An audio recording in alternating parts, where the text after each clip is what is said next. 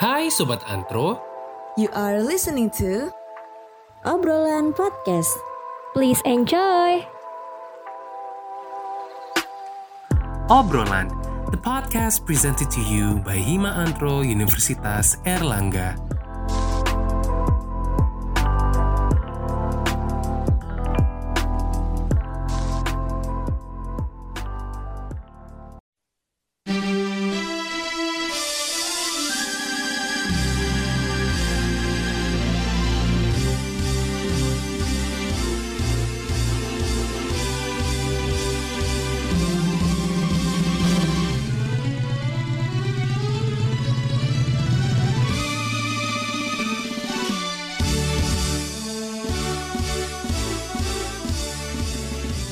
Hai Sobat Antro, welcome to Obrolan, the podcast presented to you by Hima Antro Universitas Erlangga. Hai hai hai semuanya. Baik lagi sama host yang paling keren, kece, asik di sini yaitu siapa lagi kalau bukan Karin. ya, langsung aja seperti di judul gue akan ngomongin tentang bulan yang paling meriah, yang paling asik, yang paling ditunggu-tunggu sama masyarakat Indonesia yaitu 17 Agustus. 17 Agustus tahun 45. Itulah hari kemerdekaan kita. Oke, jangan diterusin ya. Ntar kalian suka sama saudara gue. Nah, di sini itu siapa sih kalian yang eh, yang nggak pernah ikutan atau ngelihat acaranya. At least sekali seumur hidup pasti pernah nggak sih? Walaupun cuman kayak eh, jadi panitianya atau mungkin lo yang ikut lomba atau eh, ya cuma ngeliatin orang lomba doang gitu kan seru juga kan itu. Dan menurut gue itu hal yang paling dinanti-nanti sih sama eh, masyarakat Indonesia karena itu kan setahun sekali kan jadi pas ada tuh yang meriah gitu ya eh, setiap rumah pasti eh, ngibarin bendera eh, merah putih terus habis itu pasti ada kayak hiasan-hiasan. Pokoknya yang semuanya tuh yang nuansa merah putih gitu kan. Dan yang gue seneng di sini dengan adanya 17-an itu menurut gue eh, ini hal yang positif banget ya karena itu kan secara nggak langsung mengumpulkan dan mempererat hubungan kita gitu kan yang biasanya sibuk dengan urusan masing-masing. Itu ini jadi jadi ngumpul bareng terus lomba bareng seneng-senengan bareng ketawa-tawa bareng yang kayak gitu-gitu. Jadi eh, secara nggak langsung ya mempererat tali silaturahmi gitu loh. Nah lomba 17 Agustus ini itu juga ada sejarahnya loh guys. Jadi ternyata 17-an itu tuh tadinya nggak ada baru ada lima tahun setelah kemerdekaan Indonesia yaitu tahun 1950. Jadi sejak Indonesia merdeka itu tiap tahunnya itu pasti masyarakat itu antusiasnya tinggi kan karena untuk menyambut eh, ulang tahun Indonesia gitu loh. Jadi semakin lama eh, masyarakat itu semakin ingin memeriahkan dan mengingat sejarah perjuangan pahlawan yang udah mati-matian yang udah susah payah untuk ngedapetin kemerdekaan tapi dengan cara yang menyenangkan gitu. Jadinya eh, orang juga mau ikutan gitu kan.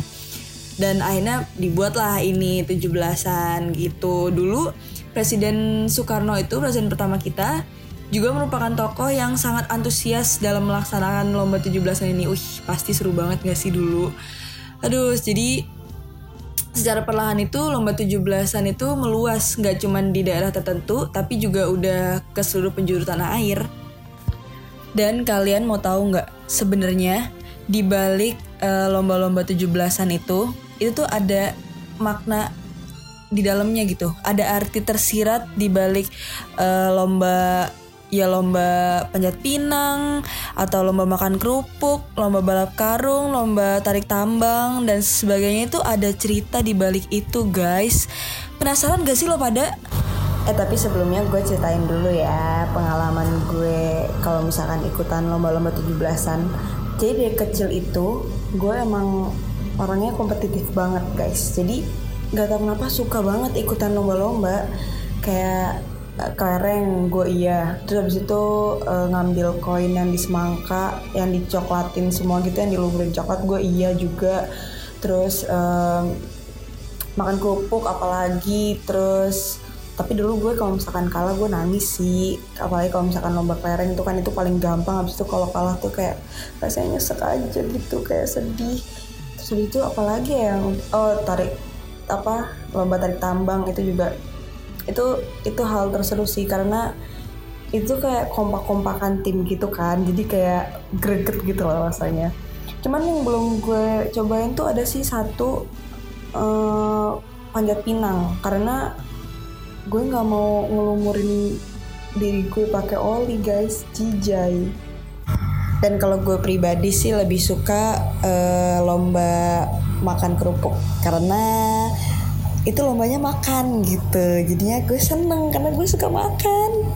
Walaupun makannya cuma makan kerupuk ya guys. Cuman nggak tahu kenapa pokoknya yang lomba sesuatu lomba yang makan tuh gue seneng gitu. Eh maaf ya jadi ngalur ngidul jadi eh, baik lagi kayak yang tadi kalian penasaran nggak sebenarnya ada makna apa sih di balik games 17-an pada penasaran kan lo penasaran kok penasaran oke gue kasih tahu Nah, yang pertama itu lomba panjat pinang.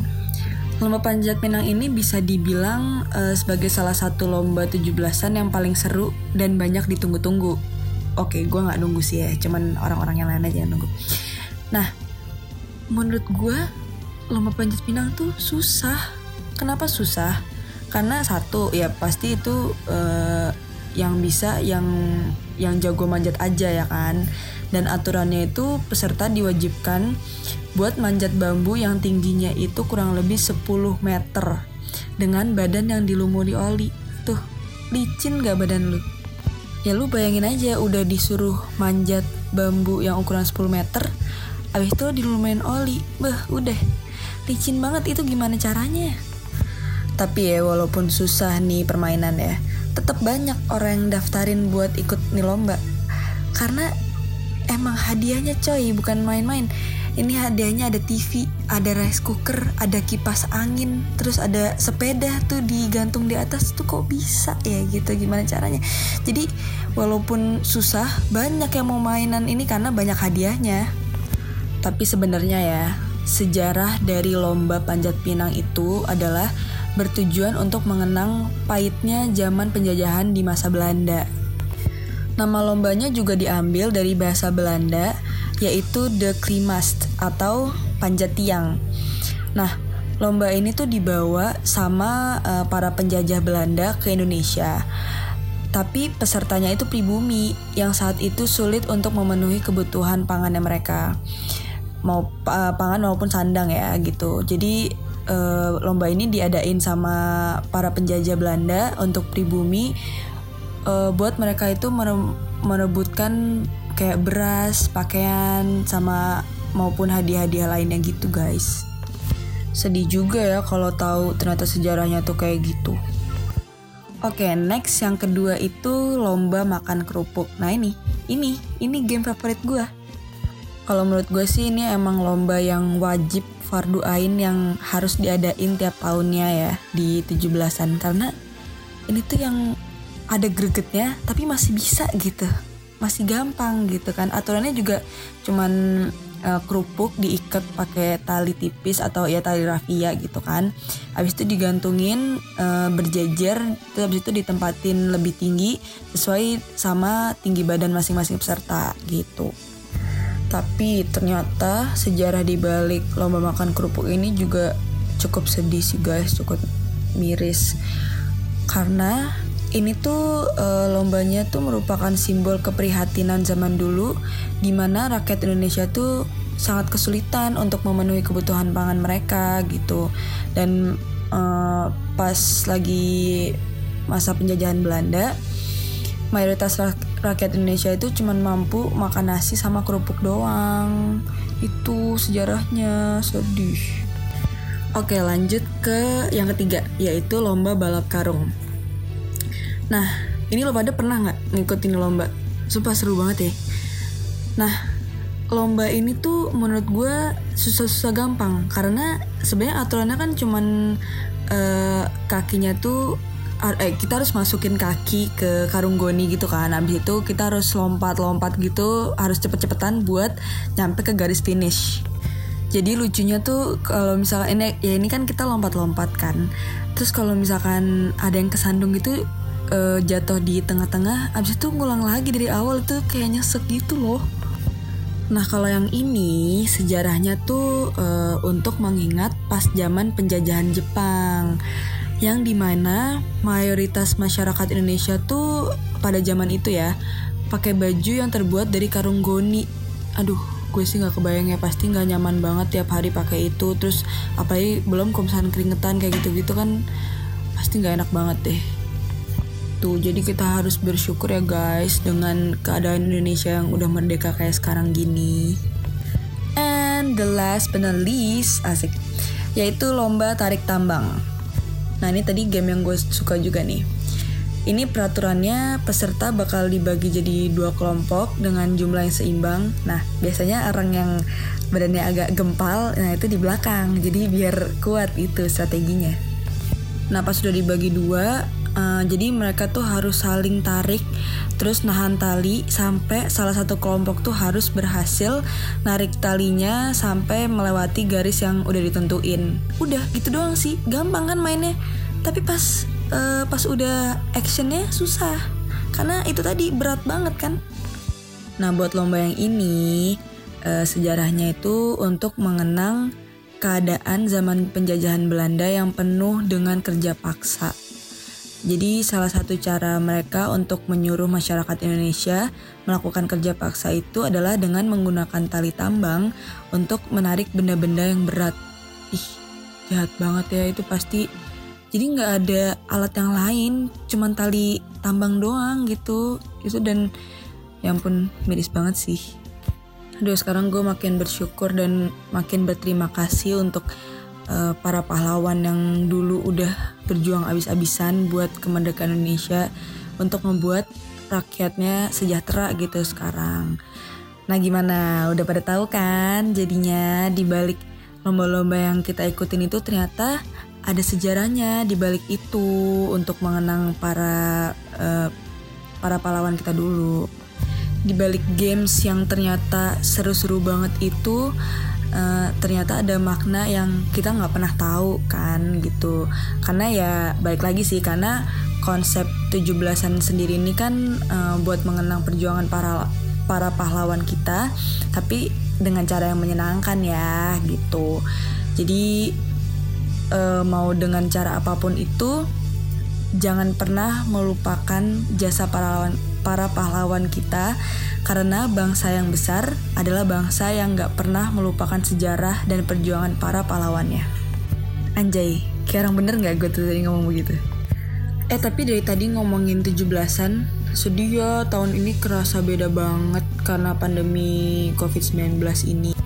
Terus kalian kemarin ngapain aja guys pas 17-an? Ngadain event gitu nggak sama keluarga atau orang-orang terdekat? Atau tetap di rumah aja. Sambil nonton upacara 17-an di TV terus hormat gitu ke TV ya nggak apa-apa lah ya. Tahun ini nggak semeriah biasanya. Semoga dirayakan atau tidak dirayakannya ulang tahun kemerdekaan Indonesia gak merubah rasa cinta kita kepada tanah air tercinta ya kawan-kawan. Oke, kayaknya segitu dulu dari gue. Semoga uh, yang dengerin bisa enjoy. Terus kayaknya nggak usah lama-lama juga ya biar kalian gak bosen. Semoga kalian senang dengernya. Terus kalau misalkan ada ide-ide uh, podcast tema podcast yang lain bisa banget komen atau DM ke Instagramnya Hima Antropologi Uner atau bisa DM ke Instagram gue di @karinalea. Makasih ya teman-teman yang udah dengerin podcast ini sampai akhir. Uh, maaf kalau masih banyak salah kata-kata. Sampai ketemu di episode selanjutnya ya. Dadah.